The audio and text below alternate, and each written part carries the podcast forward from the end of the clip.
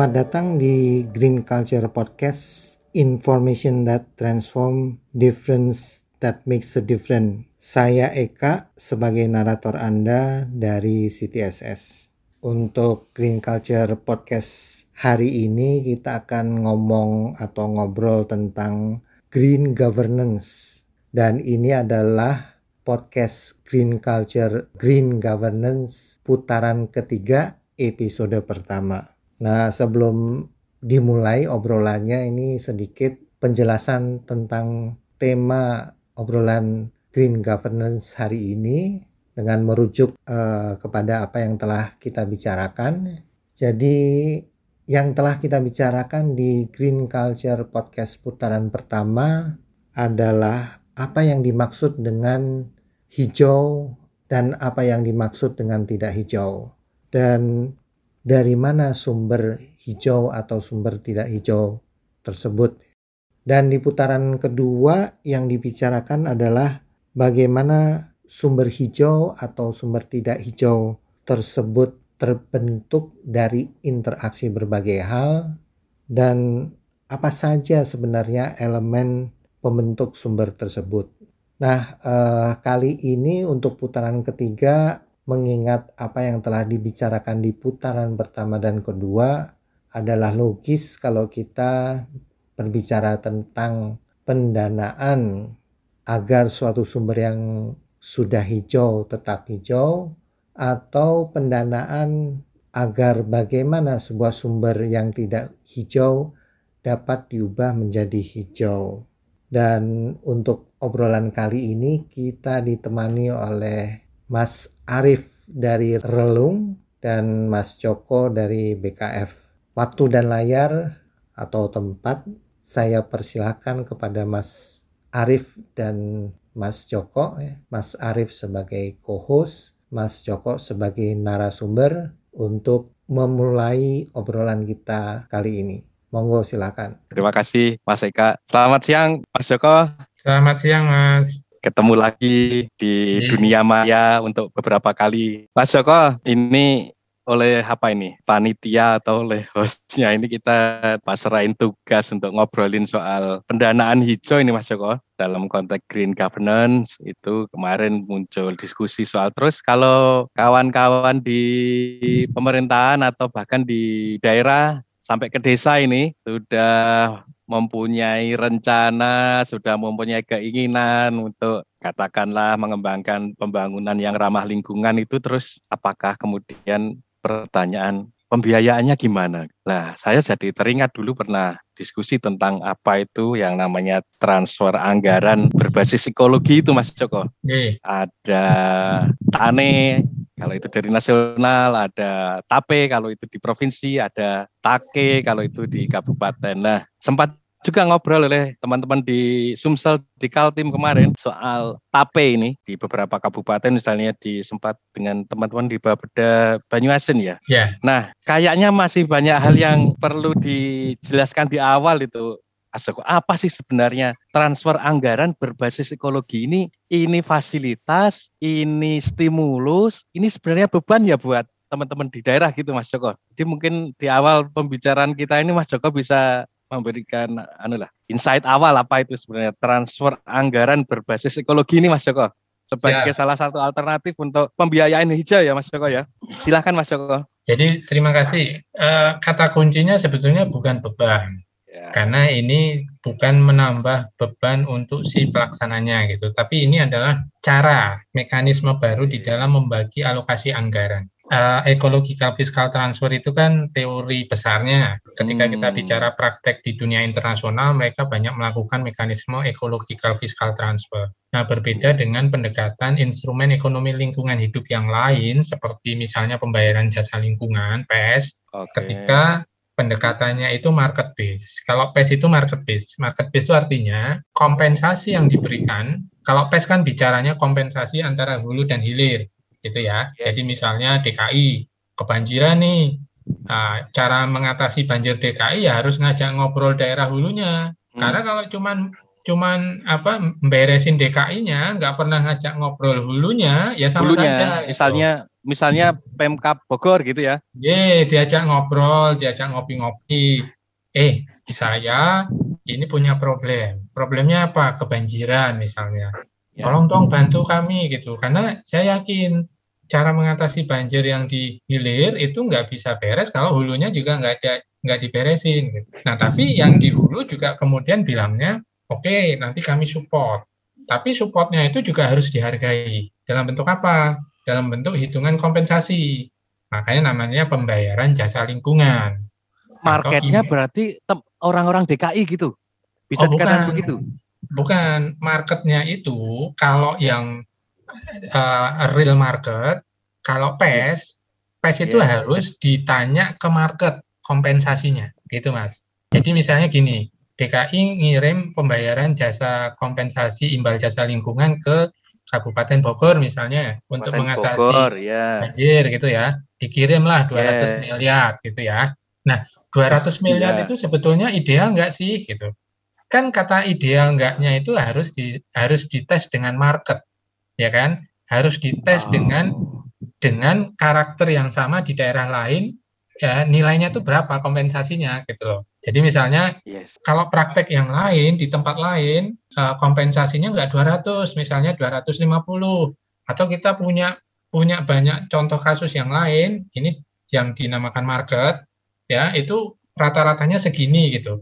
Nah, nanti kita akan ketahuan hmm. 200 miliar kompensasi ini, ini angka imajiner ya, ini angka hanya contoh, jangan kemudian nanti didefinisikan angka beneran gitu. Ini imajiner, ini contoh aja untuk mempermudah. Iya, iya, iya, iya. Ya. 200 ya, miliar ya, itu ternyata kegedean atau kekecilan gitu. Kecilan, Tapi kita ya. harus selalu ngetes dengan market. Itu kalau pembayaran jasa lingkungan. Ya. Yeah. Nah, kalau ecological fiscal transfer itu nggak harus dites dengan market. Karena apa? Uh. EFT itu by teori, EFT itu adalah titik tengah antara teori desentralisasi fiskal dengan teori ekologi. Jadi dia dipertemukan di titik tengah. Jadi desentralisasi fiskalnya itu sudah menempatkan performance base berdasarkan indikator ekologi. Jadi ada penghargaan uh, okay. aliran dana karena skema uh, prestasi desentralisasi fiskal yang karena prestasi dan prestasinya benar-benar memperhatikan aspek uh, ekologi gitu. Makanya namanya hmm. ecological fiscal transfer. Tapi ingat okay. bahwa ini hanya pendekatan. Kata-kata ecological okay. fiscal transfer itu hanya pendekatan kebetulan isunya ekologikal. Tapi nanti pemanfaatan dananya apakah hanya untuk ansih hanya lingkungan hidup dan kehutanan? Ya, boleh. Yeah. Tapi boleh nggak misalnya gini? Okay nanti sebagian saya sumbang juga untuk mendorong pendidikan, boleh nggak? Ya boleh lah. Atau infrastruktur misalnya? Infrastruktur boleh nggak? Boleh. Kesehatan boleh nggak? Boleh. Kan sama-sama oh. eksternalitas positif gitu. Hmm. Malah akan lebih baik. Karena apa? Karena yang sektor pendidikan, kesehatan akan merasa memiliki. Jadi ke depannya ketika okay, diperluas okay, okay, okay. cakupannya, ada hubungan antara prestasi di sektor lingkungan itu dengan sektor yang lain misalnya gitu yang dimaksud Bisa. Merasa memiliki ya, itu tadi Mas Joko. Betul, merasa memiliki dan ke depannya akan diperluas cakupannya itu Mas. Oh. Dan ini bukan beban karena apa? Ecological fiscal transfer kalau bicara di internasionalnya secara mm -hmm. global itu mm -hmm. kebanyakan negara hanya menjalankan single single ecological fiscal transfer biasanya dari nasional ke uh, negara bagian gitu. Kalau di Indonesia mungkin dari nasional hanya ke provinsi gitu ya. Nah, ya, kalau ya, kita ya. kebetulan dulu saya belajar, kemudian saya skemakan, saya formulasikan, kita menjalankan multiple. Multiple karena apa? Karena kita punya hubungan hierarki. Ada provinsi, ada kabupaten kota, ada desa, ada nasional. Yang hmm. kalau kita lihat dari sisi alur distribusi anggaran, ya dari nasional ke kabupaten kota, provinsi sampai desa itu kan ada namanya rezim transfer daerah dan dana desa. Kemudian dari ya. APBD provinsi dia juga memberikan aliran ke hmm. APBD kabupaten kota dan desa. Betul. Dalam betul. bentuk apa? Ada bantuan keuangan, ya. ada bantuan hibah, ya. ada bantuan sosial, ada bagi hasil. Ada empat ini ya. Nah, hmm. kabupaten kota APBD-nya juga memberikan aliran ke desa. Desa, ya. Betul. Nah, problemnya kondisi existing semua aliran khususnya dari dari provinsi ke kabupaten kota ataupun ke desa sama dari APBD kota kabupaten ke desa itu sifatnya adalah khususnya yang bantuan keuangan ya. Okay. Itu sifatnya block grant, bantuan keuangan umum.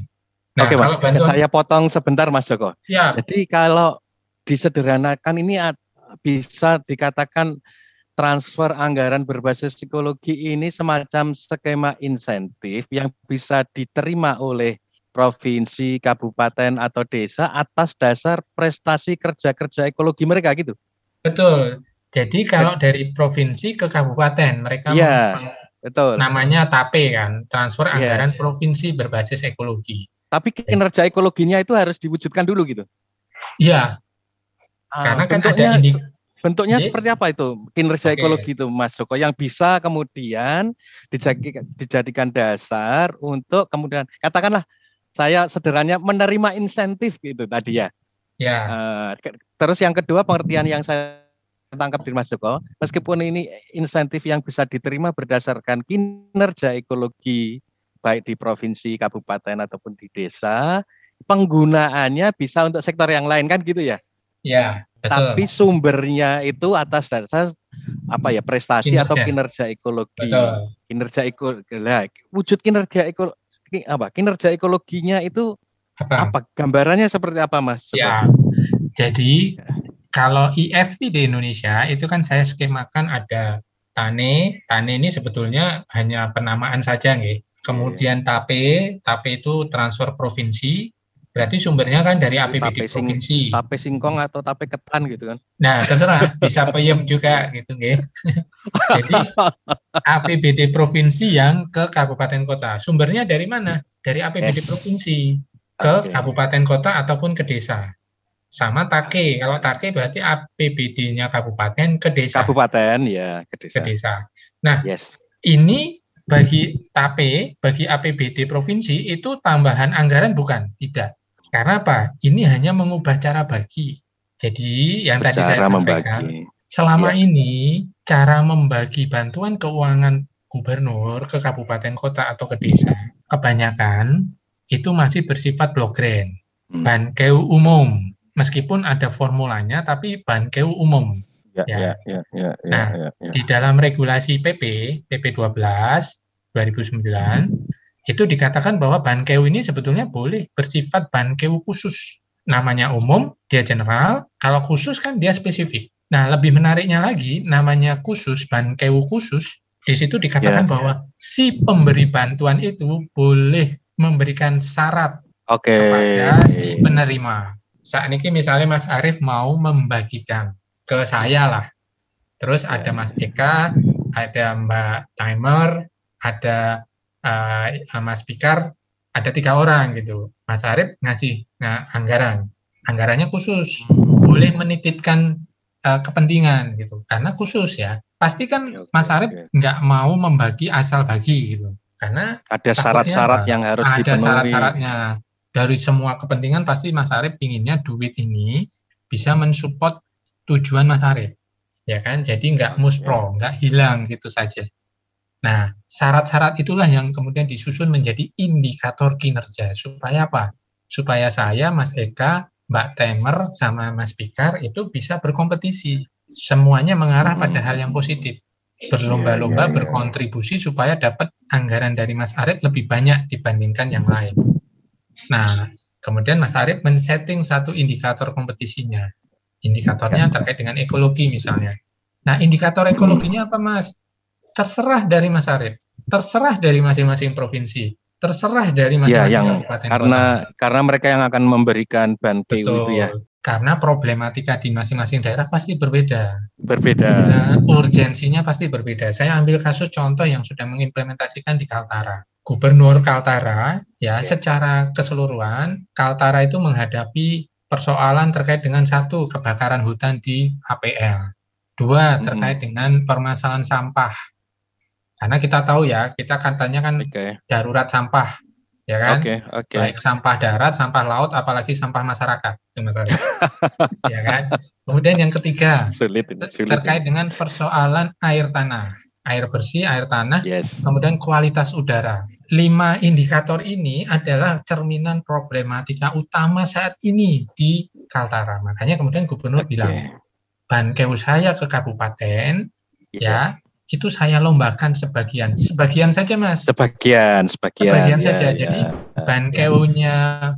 gubernur Kaltara itu 500 miliar 2019-2020 ya. Hmm. Nah yang diambil untuk kompetisi untuk TAP itu hanya 10 persen mas, hanya 5 miliar. Artinya yang dalam 500, satu tahun. Dalam, dalam satu, tahun. tahun. Artinya yang 595 itu tetap dibagi umum. berdasarkan umum tadi. Ya. Gitu. Berdasarkan modal yang lama nggak apa-apa, terserah gitu. Karena ini juga katanya sudah ada pemilik-pemiliknya sendiri gitu katanya ya. Masalah politik, ya, ada ya, parpol, ya, ya. ada isu ya. yang lain gitu. Jadi nggak ganggu sebetulnya karena hanya diambil okay. 10%. Nah, tapi 5 miliarnya mulai diskemakan berbasiskan kompetisi indikator kinerja. Supaya apa? Supaya makin ada perubahan behavioral. Gitu loh. Nah, indikator kompetisinya apa? Ya karena lima hal itu yang dianggap urgent, problematika utama di Kaltara, maka lima hal ini yang dilombakan dulu. Bupati yang bisa menunjukkan kinerja yang lebih baik, yes. nanti jadi dari lima 5 miliar ini dibagi ke lima kabupaten yang ada di Kaltara, alokasinya bisa berbeda-beda tergantung okay, kinerja okay. bupati. Gitu. Betul. Jadi beban untuk mempunyai kinerja ekologi tadi itu ada di subjeknya, ya kan? Betul. Kalau uh, kalau dia menunjukkan performan yang bagus, maka transfer ini bisa dijalankan gitu. Karena kemudian penggunaannya kan bu- bukan melulu untuk apa ya tadi ya sektor-sektor hijau katakanlah begitu ya Mas Joko. Yeah. Yeah. Uh, tapi justru ini akan ada dukungan support untuk bisa digunakan untuk yang lain. Nah, kalau saya mau tanya tadi sebenarnya mana yang sudah mengimplementasikan ternyata Kaltara ya. Yeah. Dan ini kan memang dulu terbentuknya Kaltara itu karena kabupaten yang sebagian besar wilayahnya jadi kawasan hutan itu ya. Katakanlah setelah mekar dari Kaltim itu kan menjadi bagian hutannya Kaltim menjadi Kaltara. Nah, gimana Mas Joko? Apa yang melatar belakangi kenapa Kaltara? Atau ada yang lain ya? Apa yang bisa menginspirasi, mendorong pemerintah daerah dalam konteks ini katakanlah provinsi dulu lah. Itu kemudian Eh, mengimplementasikan konsep ini? Yang pertama, Kaltara merasa bahwa luas kawasan hutannya itu luas gitu ya, dan itu harus dipertahankan. Tentu ya. TAPE itu bukan satu-satunya cara, tapi dengan TAPE dia uh. bisa mendorong masuknya cara yang lain. Mendorong uh, masuknya okay. cara yang lain itu gimana? Yeah. Karena dengan TAPE, TAPE itu kan memulai sebuah proses reformasi perubahan terkait dengan tata kelola alokasi anggaran yang awalnya berbasiskan general, alokasi, sekarang berbasiskan indikator kinerja. Dan di situ ada harga yang harus dibayar. Harganya apa? Ini adalah inovasi kebijakan. Sekarang Mas Pika, eh, Mas Arif, kalau kita lihat kan bicara inovasi kebijakan di daerah, itu selalu bicaranya kan hal-hal ya. yang sifatnya konvensional kan. Misalnya pendidikan gratis, sekolah gratis, pengobatan ya, gratis, ya, ya, ya. infrastruktur, pengobatan gratis, Ya. ya, ya. Sekarang ada nggak inovasi ekologi? Jarang. Ada tapi sangat jarang. Nah inilah yang kemudian diambil oleh Gubernur Kaltara. Bahwa ketika yang lain belum bergerak, Kaltara sebagai provinsi yang termuda justru memulai jadi yang pertama di Indonesia. Dan ini tentu ada okay, harganya. Okay, okay. Harganya apa? Model bisnis jasa lingkungan yang bisa disampaikan ke seluruh dunia. Karena, kalau di tingkat kabupaten Mas Joko sudah. Nah, kalau di kabupaten lebih banyak. Oh, uh, sebagai sebagai contoh. Kuburaya, Siak, Bengkalis, Benar Meriah, Kabupaten Jayapura, Trenggalek. Itu gimana? Anu, prosesnya bagaimana Mas Joko? Kabupaten bisa kemudian karena dipromosikan oleh Mas Joko dan tim atau kemudian ya, ada proses yang di situlah peran dari masyarakat sipil. Masyarakat, ya, makanya ya. saya selalu bilang ini era baru advokasi masyarakat sipil gitu. Hmm. Daripada selalu bermain di level zona yang sama, ini kemudian jadi zona baru. Jadi keluar ya, dari ya, zona ya, nyaman, ini jadi pola advokasi yang baru, teman-teman masyarakat sipil punya fleksibilitas dan kedekatan, silakan, ya. ayo bareng-bareng gitu. Nanti sistemnya end-to-end program. Jadi dibantu mulai dari perumusan pemilihan indikator, penyiapan kebijakannya, karena ada peraturan bupati yang harus di apa disesuaikan dan seterusnya ya. Tapi kan ini peraturan ya. bupati, bukan perda ya. Peraturan bupati kan artinya oh. diskresinya uh, eksekutif gitu ya, mas. Jadi ya. mungkin lebih ya. lebih bisa dipercepat prosesnya. Jadi hal ini sudah ada beberapa kabupaten yang disebutkan Mas Joko tadi mempraktekkan ya yang namanya apa mekanisme transfer anggaran berbasis psikologi ini. Tentunya sasarannya kan ke desa-desa itu, Mas Joko. J, kalau TAPE sasarannya ke desa. Kalau ya, TAPE ya. Sasaran utamanya memang ke kabupaten, tapi kan dia juga langsung ke desa karena kan ada akun bagan bantuan keuangan gubernur ke desa langsung juga bisa. NTB sebentar lagi akan meresmikan TAPE dari provinsi gubernur langsung ke desa. Agak berbeda dengan skemanya okay. Kaltara dari provinsi pun bisa langsung ke desa ya? Ya, karena ada akun anggarannya, bagian akun anggarannya ada, Mas. Gitu. Okay. Dan isunya bukan hanya isu ekologi Apa, bantuan, saja ya. Bantuan gubernur itu ya, yang langsung ke desa itu ya?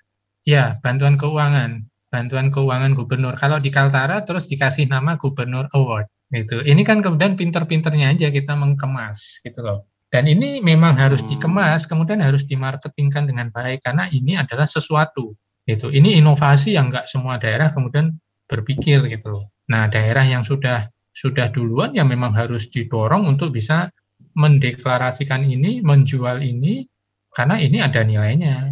Ini adalah sesuatu terobosan baru yang harus dihargai. Dalam bentuk apa? Investasi masa depan. Investasi masa depan itu bicaranya investasi berbasis jasa lingkungan gitu. Hmm. Mas Joko, bagaimana caranya kemudian katakanlah kita mau menggerakkan sebuah nggak usah level provinsi dulu lah kabupaten, kabupaten. lah ya misalnya itu ya. apa yang katakanlah kita bicara selaku masyarakat sipil lah ya ya. apa yang mes, langkah awal yang mesti kita, kita lakukan kalau kita punya kedekatan nih dengan Pemda ya. nih apakah kita membicarakan isu-isu lingkungannya dulu, ya. urgensitasnya. Gimana Mas Joko? Menurut Mas Joko, Tentu. Karena memang yang terjadi sering kali yang konvensional tadi terus munculnya program anggaran gitu kan. Nah, itu. Ya, kemudian kebijakan yang terkait dengan mekanisme pendanaan ini yang kayaknya lebih sustain lah kalau Betul. ini bisa terjadi gitu. Jadi memang dimulai dari brainstorming awal dulu ya. Karena kan harus ya. menanamkan ini. Nah, PIC utamanya siapa sih? Bapeda, DPM, uh, eh, PMD kok DPM, PMD, Bapeda sama dinas terkait diajak ngobrol bareng ya. Kemudian mulai diketok tularkan dilihat responnya kalau mulai oke okay, ya. Kemudian didorong terus. Kemudian end to end program dibantu mereka untuk nyusun seleksi indikatornya. Dibantu untuk merumuskan kebijakannya. Dibantu yeah. untuk menyusun draft peraturan bupatinya. Nah nanti ketika pemilihan seleksi indikator diajak semua pemangku kepentingan tapi harus melihat dari isu besarnya dulu. Sebetulnya itu yang itu menjadi itu, problematika ya. di kabupaten itu apa? Isu kayaknya utamanya. diawali dari situ ya. Betul. Nanti harus diturunkan dari visi misi bupati yang ada di RPJMD. Ya, terus nanti mulai diajak ya ketika yang paling seru nanti ketika pemilihan indikator Mas Arif. Ya, ya, ya. Karena pasti akan berbenturan antara idealisme dengan pragmatisme. Dan gitu. yang tadi yang yang sudah ada yang pesan-pesan tadi ya. Ya. Idealismenya ya, nanti ya. apalagi kalau ngajak teman-teman NGO lain sama akademisi. Oh, Pasti okay. inginnya semua indikator masuk gitu. ya kan? Tapi kita harus harus percaya bahwa sesuatu itu harus dimulai dari yang sederhana dulu. Yeah. Dari yang sederhana, simple, tapi kita bisa mengawasinya dengan baik. Apalah okay, arti sebuah okay. kebijakan, kalau kemudian kita nggak bisa mengendalikan. Meng, ya, betul. Jadi dimulai dari yang sederhana dulu indikatornya, karena ini kan bukan kebijakan yang sekali langsung habis terus terus selesai gitu enggak. Iya, kita betul. Bicara kebijakan yang sustain yang ini, usianya ini, 50 100 tahun ke depan. Yes. Impact-nya sistemik. Betul. Dan jangan lupa nyusun roadmap. Oke. Okay. Karena apa? Tiga tahun, lima tahun harus dievaluasi, Mas Arif eh kita oh, kalau kayak gini selain kondisi Ya, selain isu apa yang penting bisa dibicarakan, kita bisa harus melihat ini karakter kepemimpinan lokalnya ini. Betul. Ya, tapi benar Mas Joko tadi di RPJMD-nya harus kita lihat, visi misi harus lihat dan tentunya BKF juga bisa mendukung dalam konteks ini ya Mas Joko ya. Ya. Nah. BKF dan teman-teman Kemendagri Mas. Oke. Okay. Karena mereka punya kepentingan yang RPJMD itu ya. Ya ini karena memang kita dibatasi waktu Mas Joko ini menarik perbincangan. Siap. Perbincangan kita ini tapi eh, sekilas kita bisa paham lah ada yang bisa kita dorong secara sistemik melalui mekanisme anggaran di daerah untuk mendukung prestasi-prestasi kerja ekologi inilah Mas Joko. Siap. Kira-kira. Nah mungkin ini karena terbatasi oleh waktu, closing statementnya Mas Joko dalam konteks bagaimana kita bisa sama-sama uh, mendorong implementasi dari apa ini kita sebut pendekatan, sistem, mekanisme atau apa ya yang namanya cara ya? anggaran. Cara, cara, cara, cara, ya. cara, cara baru. baru dalam uh, konteks green governance lah ini. Ya. Transfer anggaran berbasis ekologi. Nah ini kita minta kalimat dan pernyataan penutup Mas Joko untuk Siap. menyempakati kita. Yang pasti sih kalau nggak sekarang kapan lagi kalau bukan kita siapa lagi itu aja sih mas. oke oke. Ya. Gitu mudah-mudahan para pendengar sekalian, baik aktivis lingkungan, teman-teman masyarakat sipil, uh, mungkin juga para akademisi dan syukur-syukur kalau ada teman-teman di pemerintahan daerah yang ikut mendengarkan kita. Ya tadi ya seperti yang dikatakan Mas Joko, kapan lagi kalau bukan sekarang, siapa lagi kalau bukan kita. Eh, terima kasih dan saya kembalikan ke Pak Eka, narator kita. Terima kasih Pak Eka. Ya, terima kasih Mas Arief, Mas Joko. Oh, memang. Jadi pertama tentang pendanaan itu ya, yang saya tarik kesimpulan. Jadi bukannya dananya itu nggak ada, cuman mungkin kurang fokus ya dan harus difokuskan. Dan agar bisa fokus ini ternyata berbagai elemen itu harus bergerak bersama. Dan Mas uh, Arief tadi juga sudah uh, menekankan salah satunya adalah karakter kepemimpinan di mana pun ya. Dan saya sepakat sekali dengan apa yang Mas Joko bilang ya, kalau bukan sekarang, kapan lagi? Kalau bukan kita, siapa lagi? Oke, terima kasih para pendengar dan tetap dengarkan Green Culture Podcast ini. Pasti akan ada hal-hal menarik yang bisa kita angkat dari obrolan-obrolan. Terima kasih Mas okay. Arif, Mas Joko. Sampai ketemu lagi ya. Oke, sampai ketemu lagi. Terima kasih.